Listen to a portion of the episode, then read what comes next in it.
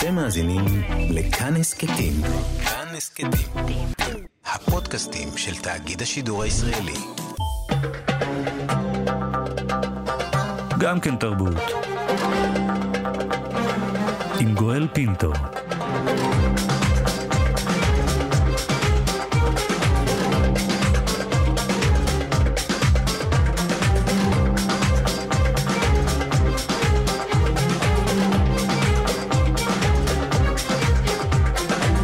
שלום, תודה שבחרתם להאזין לנו. הסכת אה, גם כן תרבות, המיטב מתוך התוכנית היומית שלנו, המשודרת בכל יום ברדיו כאן תרבות, 104.9, 105.3 FM. תהנו. גם כן תרבות, עם גואל פינטו. והנה, אנחנו מתחילים מיד עם הנושא הראשון שלנו לבוקר זה. מהיום ולמשך חודש, הציבור המוסלמי בארץ וברחבי העולם יציין את חודש צום הרמדאן, אחד מחמש המצוות העיקריות באסלאם, מצווה שחלה על כל אישה וגבר מוסלמים בוגרים, לא אוכלים, לא שותים, לא מעשנים, לא מקיימים יחסי מין. נדבר על חשיבותו של החודש, זה איננו חג, זהו חודש של צום והתבוננות פנימית, ונשאל האם השינויים הפוליטיים שאנו עדים להם בשבועות האחרונים, כמו גם האלימות הגואה בחברה הערבית, משנה ממהותו של החודש. אייד ברגותי, הסופר והמתרגם, שבימים אלה רואה אור בעברית ספרו סיפור אקאי, נמצא איתנו הבוקר. בוקר טוב, אייד ברגותי, רמדאן מובארק. בוקר טוב, גואל, רמדאן כרים, אללהו אכרם. אללהו אכרם. אמור לי, מהו החודש הזה בשבילך, אייד? החודש הזה בשבילי הוא חודש אה, של, אה, של משפחה ושל תרבות אה, ושל ערכים חברתיים, של קהילתיות. אמנם אני לא אדם דתי, אבל זה חודש שבו אני מתחבר שוב לערכי הדת, למסורת, להרבה דברים חיוביים. ולמפגשים עם אנשים. זה, בשבילי זה, זה, זה, זה גם טעון בהרבה זיכרונות אה, מהילדות, אה, עם כל הניסיונות שלנו גם לצום, אה, הקשה הזו. אה, אתה אומר, ה... אתה אומר שאתה אינך אדם דתי, ובכל זאת אתה צם במהלך החודש הזה, או שאתה אה, משאיר רק את הסממנים החיצוניים של החודש? אה, את, את הסממנים החברתיים והתרבותיים, ו, ואני מכבד את, ה, את החודש הזה ואת, ואת הצום ואת האנשים אה, הצמים. אה, ולדעתי, לפחות זו, זו דרך החיים שלי, אני בטח מכבד את הערכים הבסיסיים ש, שהם מודגשים ליתר שאת בחודש הזה, בעיקר הערכים של הסולידריות עם העניים. ככה למדנו לפחות על רמדאן, שברמדאן אתה צם ואתה גם מרגיש סולידריות עם אנשים ש, ש, שאין להם מה לאכול, אה, שאנשים המוחלשים, שפשוט מאוד אה, אין להם אה, במשך השנה, לא רק ברמדאן, את התחושה של ה... שיש לך אוכל ושיש לך אה, סיפוק אה, והכול. אה, גם הערכים של, של רמדאן זה, זה, זה הערך של הסובלנות כלפי האחר, של התמודדות עצמית, של הרפלקציה, שאתה בעצם שולט גם בעצמך ובדחפים וביצרים. זה, יש, יש בחודש הזה המון, עכשיו, מה, איך זה מתבטא היום וכמה הערכים האלו גם הם אה, קיימים, או, או ש, אה, אה, איזה שימוש נעשה בהם, אלו, אלו שאלות אחרות. אבל החודש הזה, מה שבמהותו זה דבר, זה כאילו, זה כמו יום כיפור כפול שלושים. כפול שלושים, בלי סוף, בלי סוף, כן, בלי סוף. וזה גם כריסמס כפול שלושים, כי זה גם כל יום המשפחה וכל הסממנים התרבותיים, וה... זה, זה משהו אדיר. החודש הזה, עכשיו כאילו אין, אין נושא אחר חודש בחברה חוץ מרמדאן. כמובן. ו, כן, זה אתה משהו... יודע, אתה יודע, יד, אנחנו מתעוררים הבוקר אה, למותה. רציחתה של אישה נוספת, של סוהא מנסור, רק בת 38, מטירה, כן. אימא לשלוש, נרצחה במכון היופי שלה בעיר. כן. אנחנו בקושי בחודש אפריל, 30 אזרחים מהמגזר הערבי כבר נרצחו מתחילת uh, השנה. איך אזרח ערבי, איך אתה כאיש תרבות, כסופר, בכלל מתמודד עם מספרים שכאלה? את האמת, זה, זה, זה כואב מאוד כל, כל פעם שאני שומע על, על קורבן חדש של הפשע הזה.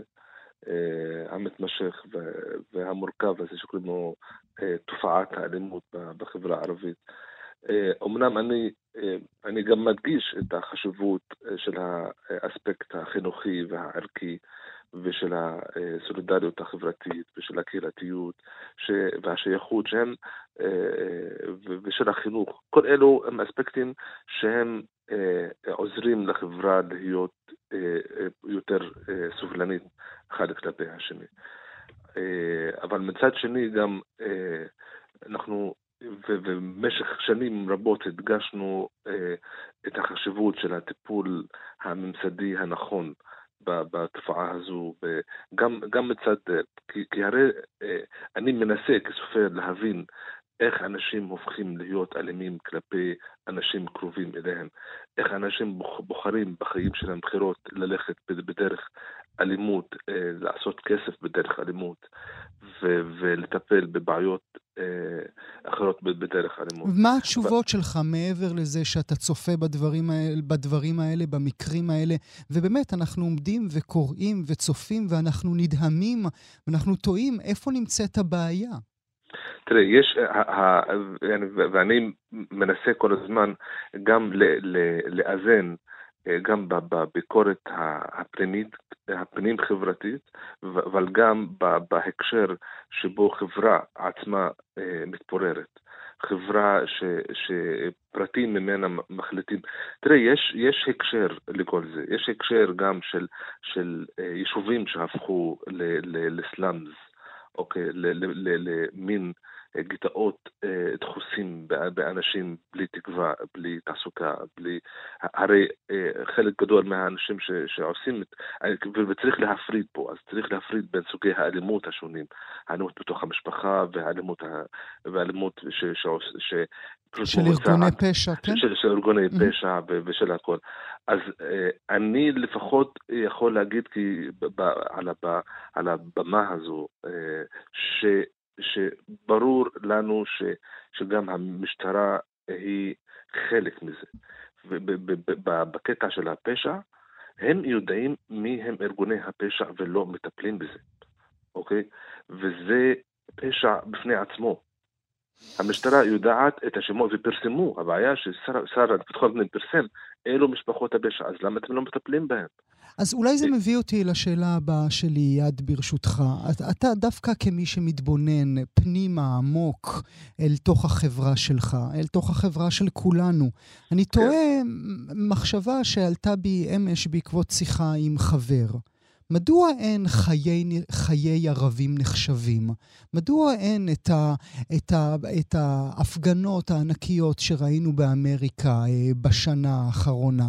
מדוע אתם לא יוצאים לרחובות? אה, אה, דווקא, דווקא בחודשים האחרונים יש, ובשנים האחרונות, אבל גם בחודשים האחרונים דווקא יש המון פעילות חברתית, אה, יש מחאה גדולה מאוד, עשרות אלפים באום אל-פחם לפני פחות מחודש השתתפו, לפני שנה ובמג'ד אל-כרום הייתה הפגנה אדירה, עשרות אלף אנשים פשוט צועקים כן, אבל כל יד, יום. יד, באמריקה השחורים לא עזבו את הרחובות במשך חודשיים, זה היה 24-7 בכל הערים הגדולות.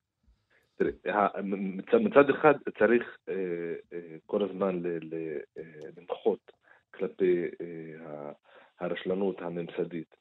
אבל תראה, יש פה, יש פה חברה שסובלת כל כך הרבה בעיות, וחלק מהבעיות האלו גם זה היכולת גם לארגון ולהמשכיות, אבל זה, זה, המחאה נגד התופעה זה לא, אה, או בוא נגיד, האופן בו המחאה מתבצעת, אה, זה לא אה, המקור לטיפול בתופעה. אוקיי, יש, יש מחאה. אבל אולי, להיות... אבל אולי המחאה היא זו שתוביל לצעדים של טיפול. יכול להיות, יכול להיות, ואני מעודד כל פעילות של, של, של מחאה. אבל יש פה, יש פה, אה, יש פה משהו שהוא יותר מהותי, ושאתה הזכרת אותו בשאלה שלך. זה שמתייחסים לחיים של האזרח הערבי, של האדם הערבי, שהם פחות חשובים. שהם לא, ש, ש, שיש בכל מדינה, יש, המדינה עצמה יש לה מונופול על שימוש בכוח. אוקיי, יש משטרה אחת. בסופו של דבר, המשטרה, המדינה, תפקידה הבסיסי להביא ביטחון לאזרחים. כמובן. אבל אם okay. אני אוקיי. מתחבר אל הדברים שאמרת, אייד, והזכרת ההפגנות שהיו במהלך השבועות האחרונים, כן. למה היהודים לא מצטרפים אל ההפגנות האלה? את זה תשאל את היהודים, אני לא... אני, אני, את האנשים שמובילים גם את, ה, את החברה האזרחית ו... אה, תראה, אנחנו גם אה, שוכחים אה, הרבה פעמים שיש פה שיש פה גם מתח בין האוכלוסיות, שאין פה, אה, ש, ש, שיש, יש בוא נגיד תנועות ו, ומפלגות שהן אה, בנויות או מעודדות שיתוף פעולה אזרחי בין יהודים וערבים, גם על סוגיות שהן גם כלליות וגם, וגם ספציפיות. ו... אבל uh, כנראה שאנשים מתחילים, מתחילים ל, uh, להזיז את העניינים רק כשהם מרגישים שזה מגיע אליהם עצמם. אתה יודע, אני, אני, אני חושב... וכנראה כשזה רחוק בתוך הכפרים, שם, בתוך היישובים הערביים, אז אנשים פחות כנראה מתרגשים מזה ש... היא שם, שאישה אחת, שאישה כן. אחת בת 38 מטירה, אימא לשלוש, שאחד מהם הוא גם אה, ילד עם צרכים כן, אה, מיוחדים, כן. שפשוט נרצחת במקום העבודה שלה. אני חושב כן. על סיפור הקאי שלך, נסביר רק למאזינות והמאזינים, זה שמו של הספר החדש שלך, כן. שרואה עכשיו אור בעברית. הוא ראה אור בערבית כבר לפני שבע שנים, רק עכשיו אנחנו כן. זוכים לתרגום שלו. ובליבו, אה, אני אגיד את זה בשטחיות ואתה תסלח לי על כך, בליבו הזיכרונות של הסבתא שלך. אתה שמעת את העלילה את הדברים המתנהלים בו מהסבתא שלך עד, אה, עד היום שהיא הלכה לעולמה אה, בבית החולים. האם זה העולם שבו היא חשבה שהיא תחיה? האם כך היא דמיינה את הארץ שלה? אה, אתה מתכוון איך שהיא דמיינה אחרי זה, או איך היא דמיינה... אז, כשהיא נולדה בעכו. אני, באמת, דווקא, יעני, סבתא יפת, שהיא סיפרה לי חלקים אה, מהסיפור הזה, שאספתי את החלקים האחרים במשך אה, תקופה ארוכה של מחקר ושל ראיונות, והיא דווקא סיפקה לי את, האופן בו היא ראתה, בפרטים אה, קטנים אבל מאוד חשובים של החיים, החיים בעכו. דווקא סבתא עפת לא דיברה הרבה, ו- ולא היה קל להוציא ממנה דברים, והיה, והיה בה תמיד לצד האישיות המחבקת שלה והרצינית אה, שלה, היה בה תמיד כאב אה, עמוק, והיה בה גם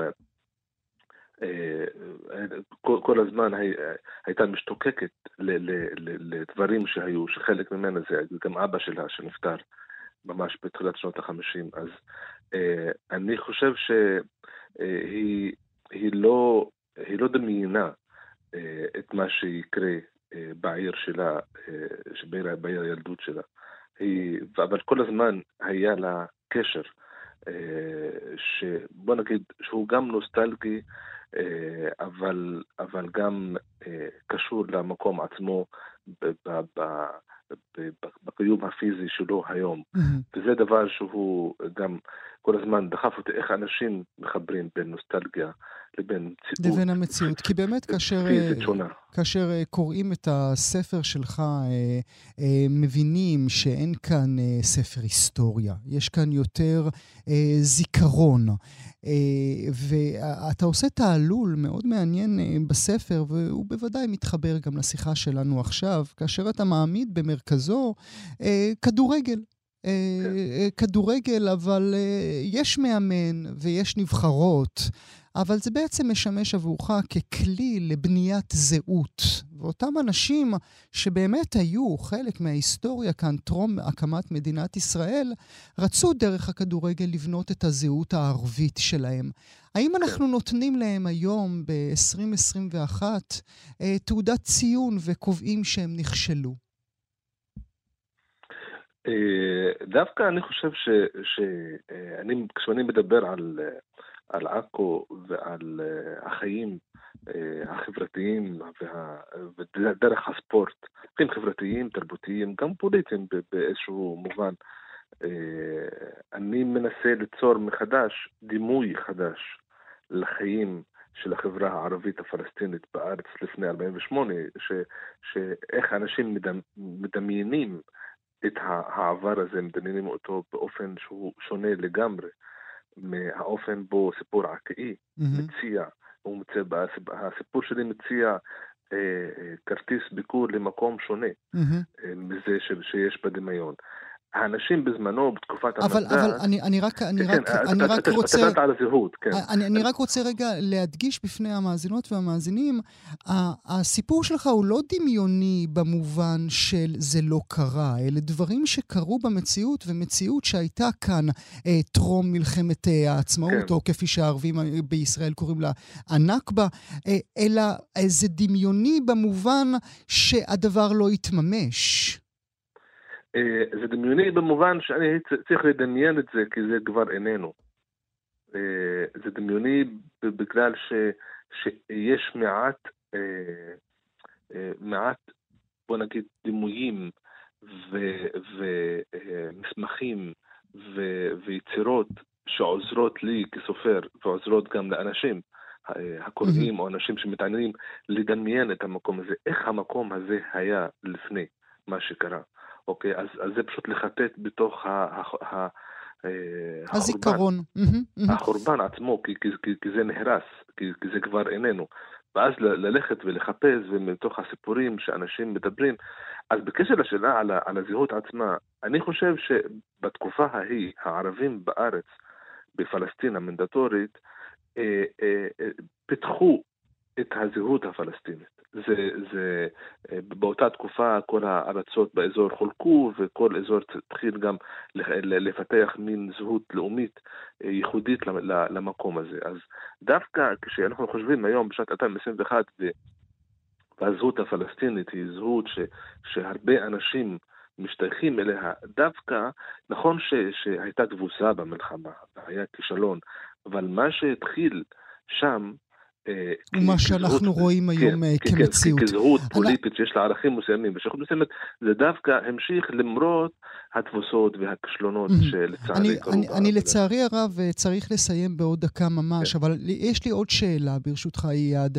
אתה, כן. אתה, הספר שלך, סיפור הקאי, מגיע עד 48, אתה לא מתעסק בכלל עם הרגע ההיסטורי הזה ששינה את המציאות של שני העמים.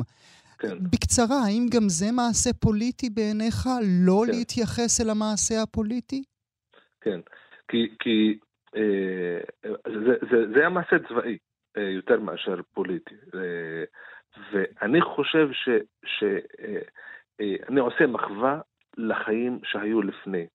כי בלי החיים שהיו לפני גם אי אפשר לתאר את הטראומה. כי צריך פשוט לתת את הכבוד. נכון שהנכבה של מלחמת 48' היא אירוע מחולל בכל האזור, אבל אנחנו לא נבין את, החשיבות שלה, את, ה, את, ה, את הפצע שהיה שם, את הכאב, בלי להבין מה את היה מה שהיה כאן לפני. אני כן, רוצה... אני, אני, אני מזמין אנשים פשוט, גם yani, את הקוראים אה, היהודים והעברים לקרוא את הספר, כי זה פשוט, אני... אז, בוא, אז בוא נקרא כן. עבורם, אה, אייד. אתה תקרא בערבית, קטע קצר, שוב זמננו אה, קצר, ואני אתרגם בעברית, ברשותך. أتريدين الصراحة؟ قال نجيب لثريا ولم ينتظر جوابها. اقترب منها أكثر كلا غرفة. بعد كل هذه السنين في الصحافة والعمل السياسي وما سمعته ورأيته وكتبت عنه لم أعد أفقه كنها كلمة عميل. كما الخيانة التخوين العشوائي أيضا دمرنا يا ثريا مزقنا. كأننا لم نكتفي ببطش الإنجليز ولؤم الصهاينة فبطشنا بأنفسنا. لقد حولوا الصراع إلى حسيني نشاشيبي ومجلسيين معارضين دعيني أسألك من يحدد من هو الأمير ومن هو الوطني؟ حامل السلاح صاحب الصوت الأعلى من يزاود أكثر ولا يعمل حساب الربح والخسارة من يجبر الجرائد أن تنشر ما يريد ويبجل من يريد ويشوه سمعة من يريد من يريد؟ لم تتوقف ثريا عن الحركة بينما كانت تفتح الجواريد وتفتش عن كل هدية منه قد تكون قد اختفت خلف ذكرى جميلة سألته لماذا قتله الثوار هو تحديدا؟ دور نجيب شفتيه رفع حاجبيه ويديه. את רוצה לדעת את האמת? קרא נג'יב לטוריה כדי להעניק יתר תוקף לדבריו. האמת היא שאחרי כל השנים שבהן אני עוסק בעבודה עיתונאית ובעשייה פוליטית, ואחרי כל מה ששמעתי וראיתי וכתבתי בנושא, אני עדיין לא מצליח להבין מה בדיוק המשמעות של המילה עמיל. לא רק הבגידות, גם ההאשמות האקראיות והבלתי מבוססות בבגידה הרסו אותנו, טוריה. הן קרעו אותנו מבפנים, כאילו לא די לנו באלימות. באלימות של האנגלים ובנבזות של הציונים, החלטנו להתאכזר קצת בעצמנו לעצמנו. כך התגלגל המאבק עם אויבינו האמיתיים למאבק פנימי, בין חוסייני ובין נששביבי, בין אנשי המועצה המוסלמית העליונה ובין המתנגדים לה. תרשי לי לשאול אותך, מי לדעתך קובע מיהו עמיל ומיהו פטריוט? זה שנושא נשק? זה שצועק הכי חזק? זה שמתנשא ומטיף מוסר לאחרים? זה שכופה על העיתונים לפרסם את השקפותיו, לחלוק שבחים למי שהוא רוצה בטובתו ולהכפיש את מי שהוא אינו מעוניין ברעתו? בשעה שדיבר, הסתובבה טוריה בחדר בתזזיתיות, פותחת וסוגרת מגירות. אז למה המורדים רצחו דווקא אותו? שאלה לבסוף. נג'יב הרים את ידיו. אייד ברגותי, רמדאן מובארק, תודה רבה שהיית איתנו הבוקר. אתם מאזינים עכשיו להסכת סוף השבוע של גם כן תרבות. אספנו עבורכם תצרף של קולות, ראיונות מעניינים שהשמענו בתוכנית היומית שלנו במהלך השבוע. מקווים שתהנו. בסוף החודש שעבר העלה מוזיאון הלובר לרשת את הקטלוג המלא שלו, ובו כל היצירות השייכות למוזיאון, 480 אלף, 480 אלף חפצים. מטרת האתר לא רק עבורנו שוחרי התרבות והאומנות, אלא גם לשמש ככלי, כלי חיפוש עבור מדינות ומשפחות, גם יהודיות, לבחון האם בלובר יש יצירות השייכות להם. המעשה הזה גרם גם לנו לבקש ולשאול האם המוזיאונים בישראל, דווקא בישראל, עושים את מה שהם מטיפים לאחרים. האם אנחנו בטוחים שבאף מרתף מוזיאוני בישראל אין יצירה ש... שנבזזה על ידי הנאצים ושייכת ליורשי משפחה יהודית שנרצחה, שנספתה בשואה. האם המוזיאונים בישראל מודעים לפרובננס? תזכרו רגע את המילה המקצועית הזאת, פרובננס, אנחנו נשתמש בה במהלך השיחה. היא בעצם אומרת מוצא, היא מדברת על ההיסטוריה של היצירה, של כל יצירה ויצירה שברשותם. אז פנינו אל המוזיאונים הגדולים, ביקשנו מהם שיענו עבורנו על מספר שאלות. מוזיאוני חיפה מסרו לנו שהאוסף שלהם מונה 40 אלף פריטים, וכי מחלקת שימור האוספים שלהם מודעת היטב לנושא הפרובננס ובודקת בהקפדה יתרה בכל עת שמתעורר צורך. לשאלה הספציפית שלנו, האם ברגע זה בו אנחנו מדברים עומדת מול המוזיאונים בחיפה תביעת החזרה של יורשים, נענינו בשלילה.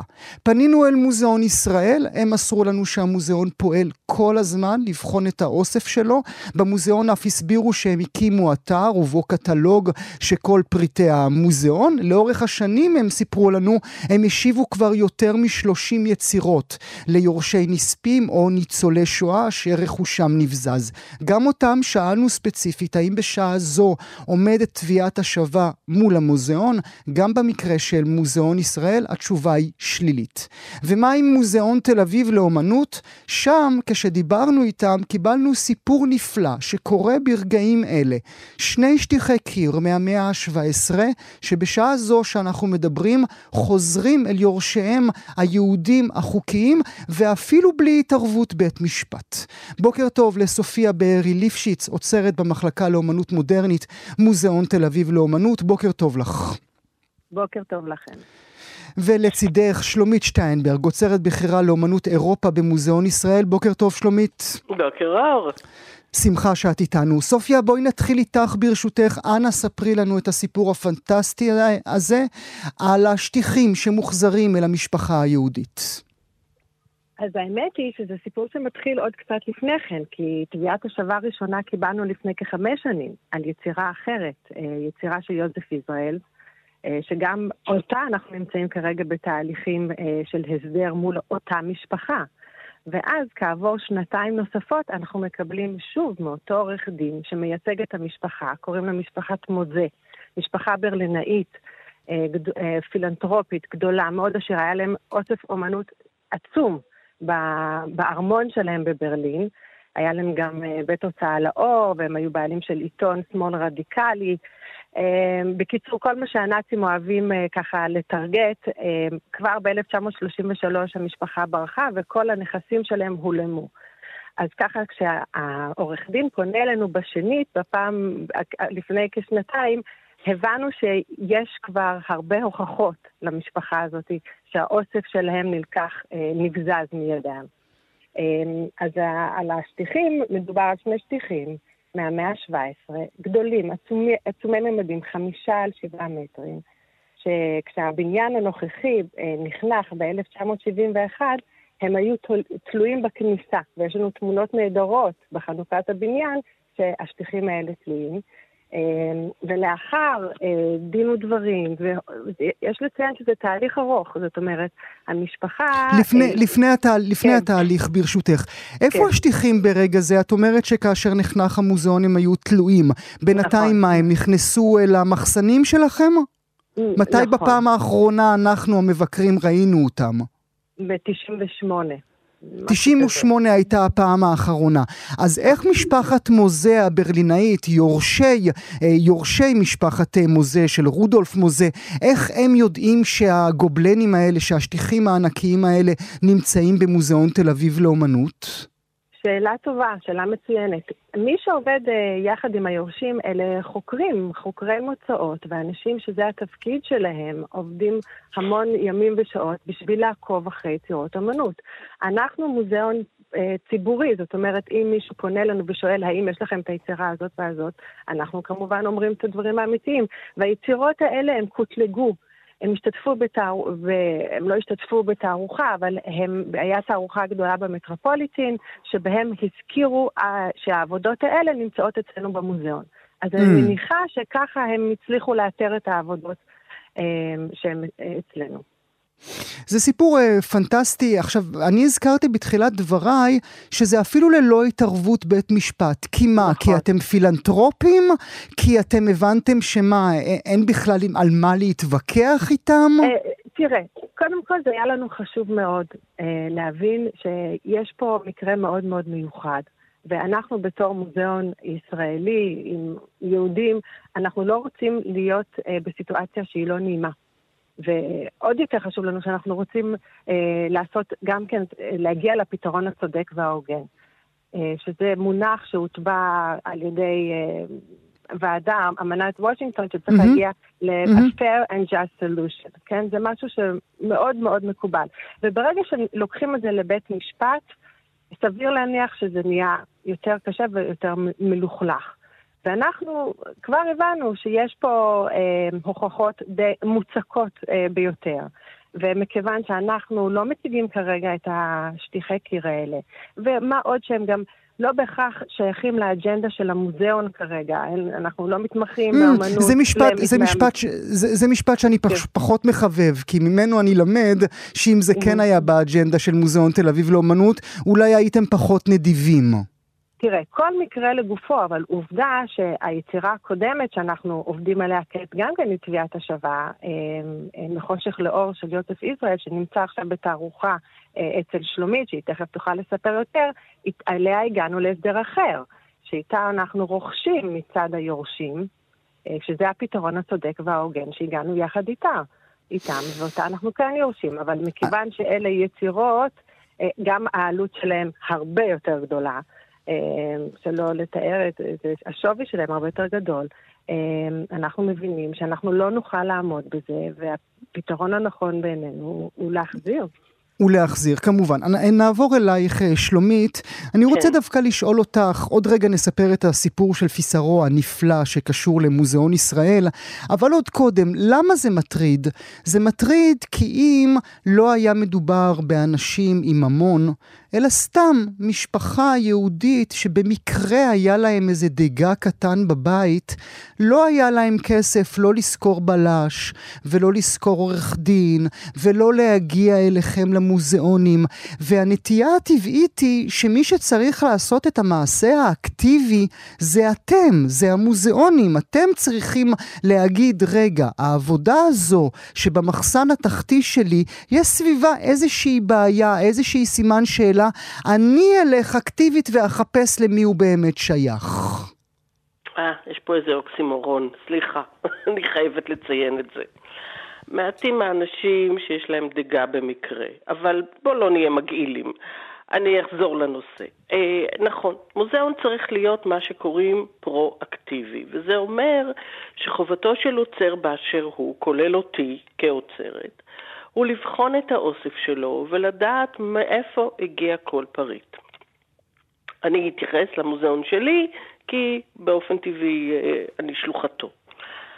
מוזיאון ישראל מורכב בעצם מאז שנת 65 על בסיס המוזיאון הקודם שלו. זאת אומרת בית הנכות הלאומי בצלאל, שעד 65 פעל כמוזיאון לאומי. ככזה הוא גם קיבל את אותן יצירות שכבר דנו בהן בעבר, והן רלוונטיות מאוד למקרה שלנו, שנחשבות מצבור אירסו. למי שלא יודע מה זה אירסו, פירושו אותן יצירות שהגיעו מהמחסנים שהאמריקאים יצרו בגרמניה, בעקבות אותם אה, מצבורים שהנאצים הסתירו בכנסיות, בארמונות ובמכרות מלח. כשהיצירות האלה הגיעו לארץ בין השנים 50 ל-55, לא ידעו עליהם דבר. היום, אדם רגיל, כמוני וכמוך, אנחנו לא מדברים על עצמנו כבעלי תפקיד, אלא ממש האדם הרגיל יכול להיכנס לאתר אמריקאי ששמו פולד 3. תמורת סכום סמלי של 35 דולרים, הוא יוצר לעצמו מנוי לאתר הזה והוא יכול לחפש שם כל יצירה שעבדה לדעתו כנראה בשואה, או אפילו קודם לכן, בשנים של הייסורים שעברו יהודי גרמניה ואחר כך הארצות שנכבשו, או טרם פרצה אבל את יודעת שזה הרבה יותר מורכב מזה, שלומית. בוודאי. כי רק לפני יומיים, או טיפה יותר, סלחו לי על, על האי-דיוק, שוחחתי עם אה, חבר, ש... הוא יודע, הוא יודע, את יודעת, יודע כמו שאנחנו יודעים דברים, שלסבתא היה רמברנט קטן. הוא לא יודע איזה רמברנט, הוא לא זוכר איזה רמברנט, זה מין סיפור משפחתי, זה רק הם יודעים שזה היה בסלון, מעל שולחן האוכל, אין להם תמונה של הסבתא יושבת מתחת לרמברנט, אבל הם יודעים שיש להם רמברנט. זה מעניין שאתה, סליחה, מזכיר את העניין של התמונה, ואני תכף אחזור לנושא הרמברנט שלך, כי התמונה שאנחנו ישבנו למשפחת קסירר, למשפחתו של המו"ל מקס קסירר, אה, גן בוואנזי של ליברמן, חזרה לידיהם בעקבות צילום באמת. אז אתה צודק, לא לכל המשפחות נותרו צילומים. לא כל המשפחות הצליחו לברוח מארצות אה, מוכות שואה ומלחמה, כשספר הצילומים של המשפחה תחת זרועם. הדברים האלה הם באמת קשים ואיומים, ואנחנו, חובתנו, לא רק מטעם סליחה, חוק וושינגטון או הצהרת טרזין מ-2009 שסופיה הזכירה. חובתנו לעזור להם, וכשאנשים מתקשרים אנחנו משתדלים להיות הכי אדיבים שאפשר. ואם אנחנו לא מוצאים את החפץ אצלנו, דרך משרד הרשם שלנו, דרך המשרדים האוצריים, אנחנו מנסים לעזור ולהפנות אותם למקורות האחרים. אבל לנצח, אי אפשר יהיה להשתלט על הכל. אנחנו יכולים כמוזיאון גדול, והמספר שנתת לגבי הלובר, מה זה הפיל אותי, משום שבלובר יש הרבה יותר מכמעט חצי מיליון פריטים. מה, מה שהם בזזו? הרי אנחנו זוכרים שהלובר יושב על ביזת נפוליאון, אז איזה 480 אלף פריטים. אבל קטן עלינו, אנחנו לא צריכים להיכנס לצרות של מדינות אחרות. מה שאני חוזרת ואומרת זה אנחנו משתדלים. אתה יודע מה? אולי זה לא הכל, אולי צריך יותר. אבל אנחנו מתחילים, גם אנחנו, גם מוזיאון תל אביב, ושמעתי בתחילת דבריך גם את התשובה של מוזיאון חיפה, ואני בטוחה שאם היית פונה לעין חרוד, להכט, למקומות אחרים בארץ, כי רבים המוזיאונים בארצנו הקטנה, אה, כולם היו אומרים לך את אותו דבר. אנחנו רוצים לעשות יותר. אבל אני רוצה להיות לרגע ביקורתית על מדינתנו האהובה. טיפונת. לא מוזיאונים חתמו על האמנות. Mm-hmm. מדינת ישראל חתמה על האמנות האלה. בשעתו ומד... היה... ומדינת ישראל לא נתנה, ואם זה, זה הנושא הבא שאנחנו נפתח, חתמה על הסכם, אבל לא נתנה את הכסף לממש את ההסכם. זאת אומרת, לאף אחד מכן, שוב, כן, נציגות המוסדות שאת, שאיתם אנחנו מדברים עכשיו, לא מוזיאון תל אביב לאומנות ולא מוזיאון ישראל, גם לא מוזיאוני חיפה, לא קיבלו לא תקציב, לא קיבלו, לא קיבלו תקציב כדי לחטט בתוך המחסנים. ויתרה מזאת, אתה יודע, לפני הקורונה, אי שם בספטמבר 2019, יזמה שירית קיסין ממשרד התרבות שלנו. קורס יוצא מן הכלל, יוצא מן הכלל. היא הביאה לארץ את מרק מזורובסקי, החוקר הכי טוב בעולם לפרובננס. סופיה השתתפה בקורס הזה, נכון, תוכל להעיד עליו. נכון. חשוב מאוד, זה היה מאוד חשוב, כי לחקור פרוביננס זה משהו מקצועי, צריך להבין, זה לא שאפשר להביא כל אחד ולהכשיר אותו, זה לוקח המון זמן להבין, יש פה המון המון מאגרי מידע, המון אה, רשימות שצריך לעבור, שלא לדבר על כל השפות שצריך לשלוט בהן. עכשיו, דבר כזה זה להעסיק מישהו מקצועי. אנחנו יודעים מה המצב של המוזיאונים היום. אין לנו אפשרות לעשות את זה. כמו ששלומית אמרה, אנחנו מנסים כמה שיותר להיות פרו, פרואקטיביים. גם אצלנו יש מתנדבת אה, אה, שעובדת בזה, ואנחנו מנסים, כל מי שפונה אלינו, אנחנו נענים ברצון ובכמה שאנחנו יכולים לעזור. אבל שוב, זה מעט מאוד ממה שבאמת ניתן לעשות. אם כי אצלנו המצב קצת שונה, כי האוסף החשוד הוא פחות מספרי, פחות יצירות מאשר במוזיאונים אחרים.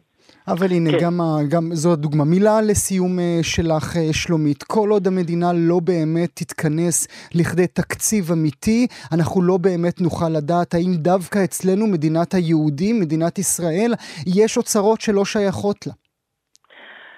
אני רוצה לחשוב שברגע שנצליח להתגבר על מצבור אירסו, שהוא כולל אה, מספר לא מבוטל של פריטים בתחום היודאיקה, הציור והרישום, כבר עשינו צעד ענק לטובת הנושא הזה.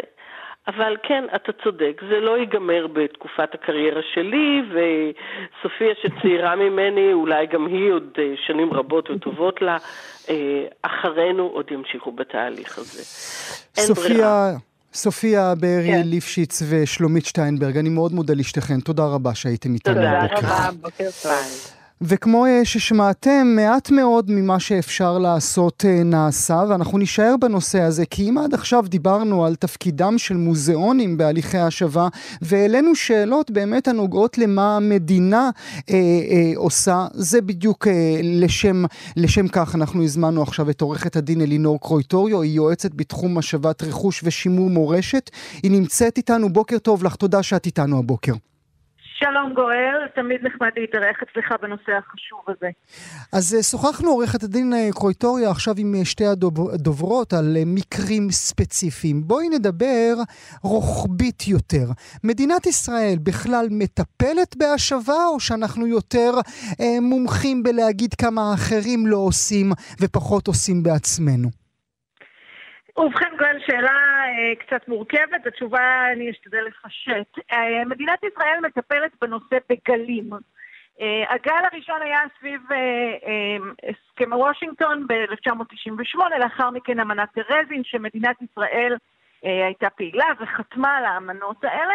אבל היא מעולם לא יישמה אותן אה, בצורה מסודרת ושיטתית. לאחר מכן הייתה החברה להשבת רכוש. רגע, רגע, רגע, רגע. במילה, מה הסכם וושינגטון אומר ומה הסכם טרזין אומר? אה, למעשה עקרונות וושינגטון מדברים על החובה של מדינות אה, לחקור או לפתוח אה, את המוזיאונים ולבדוק מה יש שם מבחינת אה, אה, יצירות אומנות שנבזזו בשואה, על המדינות להעמיד אמצעים כספיים לצורך העניין, החשיבות של אה, שימור ארכיוני של החומרים האלה, והרצון להגיע למה שקוראים עקרונות וושינגטון Just and Fair Solutions.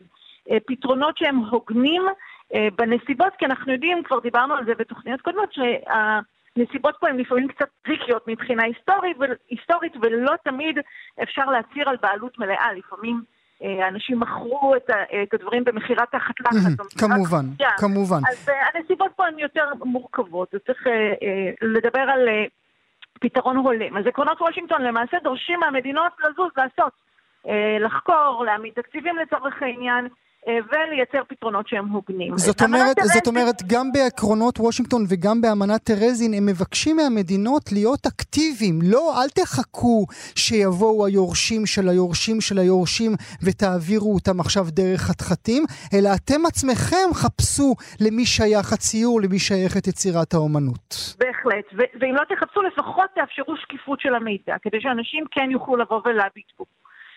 אמ, אמנת תל אביב למעשה חוזרת במילים כאלו או אחרות על עקרונות וושינגטון. אה, כפי שהתחלתי אה, לומר מקודם, החברה לאיתור והשבת נכסים של נספי השואה שפעלה מכוח חוק אה, בין 2006 ל-2017 ניסתה מאוד להזיז את הנושא הזה, במיוחד במישור השיח, השיח הציבורי. הבעיה, כמו תמיד, הייתה מילת הקסם תקציבים. החברה להשבה לא יכלה להעמיד תקציבים אה, לכל המוזיאונים בארץ לצורך העניין, היא ניסתה בעצמה לעשות קצת חקר מוצאות, אבל היא מאוד ניסתה להביא את הנושא למודעות ציבורית ולהפעיל את משרדי הממשלה השונים כדי שיתחילו... אה, לזוז בעצמם. אבל, אבל בואי נהיה קונקרטיים אה, ברשותך, עורכת הדין קרויטוריו. את עבדת בחברה להשבה, במשך שנים את ריכזת בה את תחום האומנות. כמה גרוסו מודו יצירות אומנות מצאת את בעליהן כאשר עבדת שם? החברה להשבה עצמה מצאה את הבעלים של כשש או שבע יצירות, זהו. אבל במהלך השנים המוזיאונים אה, בעקבות פניות של יורשים בדרך כלל, אה, להערכתי הושבו משהו כמו 60-70 יצירות מכל המוזיאונים ביחד. אה, במהלך השנים, ש, שזה מצד אחד בהחלט מספר מרשים, מצד השני זה מספר קטן מאוד ביחס לכמות היצירות שנמצאות במוזיאונים וביחס לאותם 600 אלף אה, יצירות שאנחנו יודעים שנבזזו. כמובן שרק מקצתן הגיעו לישראל, כי גם לא הייתה כמובן. מדינת ישראל בתקופת אבל אולי, אבל אולי צריך להיות, אה, צריך אה, להיות מוסרני מדי, אולי אנחנו צריכים להיות חוד החנית בדברים הקשורים האלה. יש כללים להשבה? יש איזשהו פיקוח של מדינה?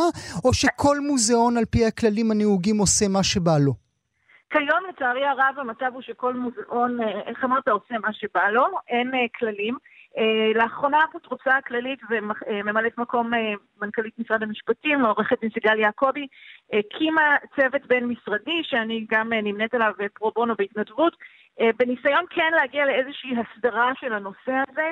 אה, וכן לחבר את כל משרדי הממשלה יחד כדי לבדוק אה, ולקבוע מדיניות, ובעקבותיה גם לראות איך מסדירים את הנושא הזה מבחינת חקיקה.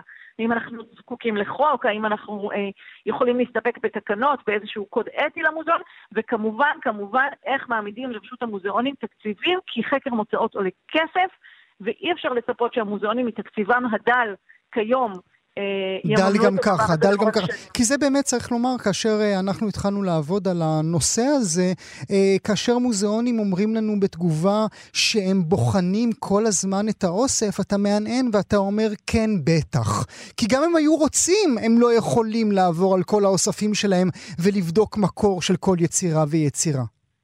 תראה, השינוי המשמעותי בתפיסה של המוזיאונים, וחלק אני זוקפת לעבודה הסיזיפית של החברה להשבה, זה המודעות לעניין הזה. המוזיאונים היום, פעם כל מי שהיה רוצה לתרום והיה שווה משהו מבחינה אומנותית, המוזיאונים היו לוקחים, לא היו מפשפשים בכלל במסמכים של היצירה.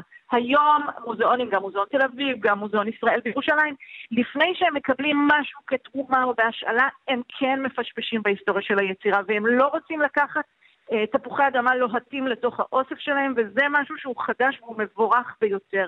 כנ"ל כשעומדים להוציא יצירה מהאוסף, אם זה לצורך מכירה, או, או אה, כי מוזיאונים גם מוכרים יצירות כדי לממן את המשך הקיום של האוסף, הם, גם אז הם בוחנים. אז אלה שתי נקודות שבעבר לא היו מתייחסים בכלל למוצאות של היצירה, והיום יש שינוי בתפיסה.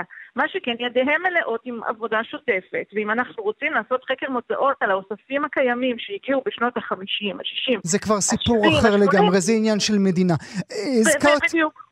הזכרת את האפוטרופסית הכללית, שהיא גם ממלאת מקום מנכ"לית משרד אה, המשפטים, שהיא זו שמינתה את ה... את ה איך נקרא לזה? ועדה, צוות בין לא, משרדי. צוות עבודה. צוות בין משרדי. וקיימים בו, מלבדך, כמו שאמרת, את עושה את זה פרו בונו, גם אנשי משרד המשפטים, גם אנשי משרד התרבות, גם אנשי המשרד לשוויון חברתי. זה אנשים שצריכים להבין משהו באומנות, או שזה אנשים שצריכים להבין משהו במשפטים? אנחנו סביב השולחן מביאים כל אחד את היכולות שלו והרקע שלו, אנחנו נעזרים כמובן גם באנשי ונשות מקצוע מתחום האומנות, אבל יש לנו משפטנים שמבינים במשפט הישראלי, משפטנים שמבינים במשפט הבינלאומי, שזה לא פחות חשוב אה, במקרה הזה, אנשים שנמצאים בזירה הבינלאומית בכלל בתחום השבת רכוש ויש להם את הידע על מה קורה בעולם, ואנחנו אה, יש לנו הרבה מה ללמוד ממדינות אחרות במובן הזה, גם מבחינת ההן וגם מבחינת הלאו. אמ, וכשאנחנו מרגישים שחסר לנו ידע אה, בתחום מסוים, אנחנו מזמינים מומחה ושומעים את עמדתו. דיברתי קודם, או השתמשתי קודם במינוח אה, דרך חתחתים, ואולי זה מעלה שאלה נוספת. האם אנחנו כמדינת ישראל צריכים להאמין מיד לכל uh, תביעה? או האם גם אנחנו, כמו כל מוזיאון בעולם, צריכים להגיד ליבנו, ליבנו, אנחנו מבינים את הנסיבות, בוודאי אנחנו מבינים את הנסיבות, אבל רגע, זה שאתה אומר שהייתה לך תמונה, שלסבתא שלך הייתה תמונה של דגה מעל שולחן השבת, זה לא באמת אומר שזה שלך. במקום הזה, גואל, התשובה היא איזונים. אנחנו צריכים תמיד לאזן. אנחנו, ליבנו צריך להיות קודם כל באמת עם המבקש, עם המשפחה של הנספה, אבל אנחנו צריכים גם לפעול באחריות כלפי האוסף. אה, ולבדוק, אנחנו גם לא רוצים לטעות ולהשיב למשפחה לא נכונה על סמך איזשהו זיכרון אה, רחוק, ואז אה, יבוא יום אחד היורש האמיתי ואנחנו נעמוד בפני שוקת שבורה.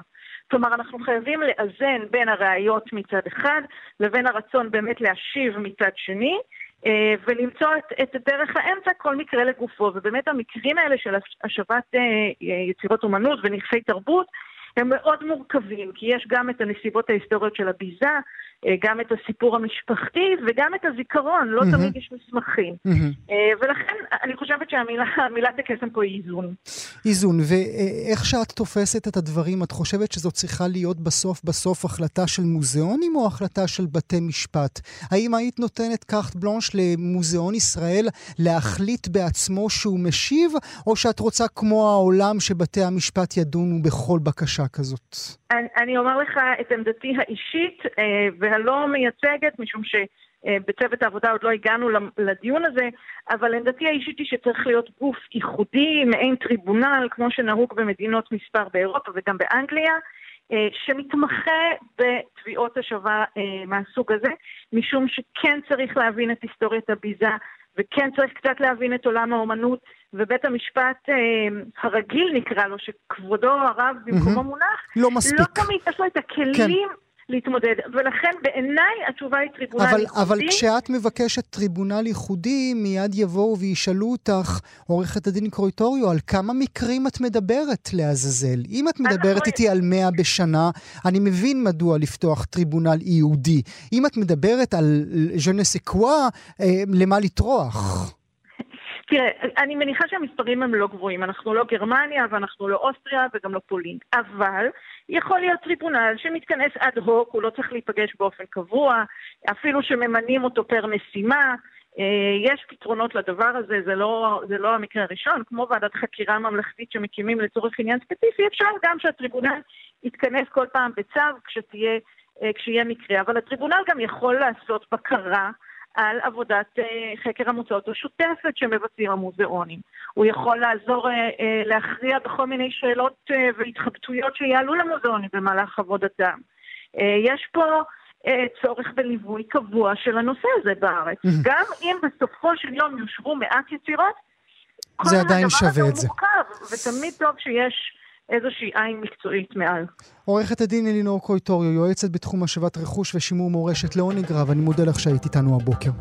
תודה גואל. כאן הגיעה לסיומה תוכנית נוספת של גם כן תרבות. כרגיל, אנחנו שולחים אתכם לעמוד הפודקאסטים שלנו, עמוד ההסכתים, בכתובת כאן.org.il/פודקאסט, שיהיה לכם מה להאזין. תודה שהייתם איתנו.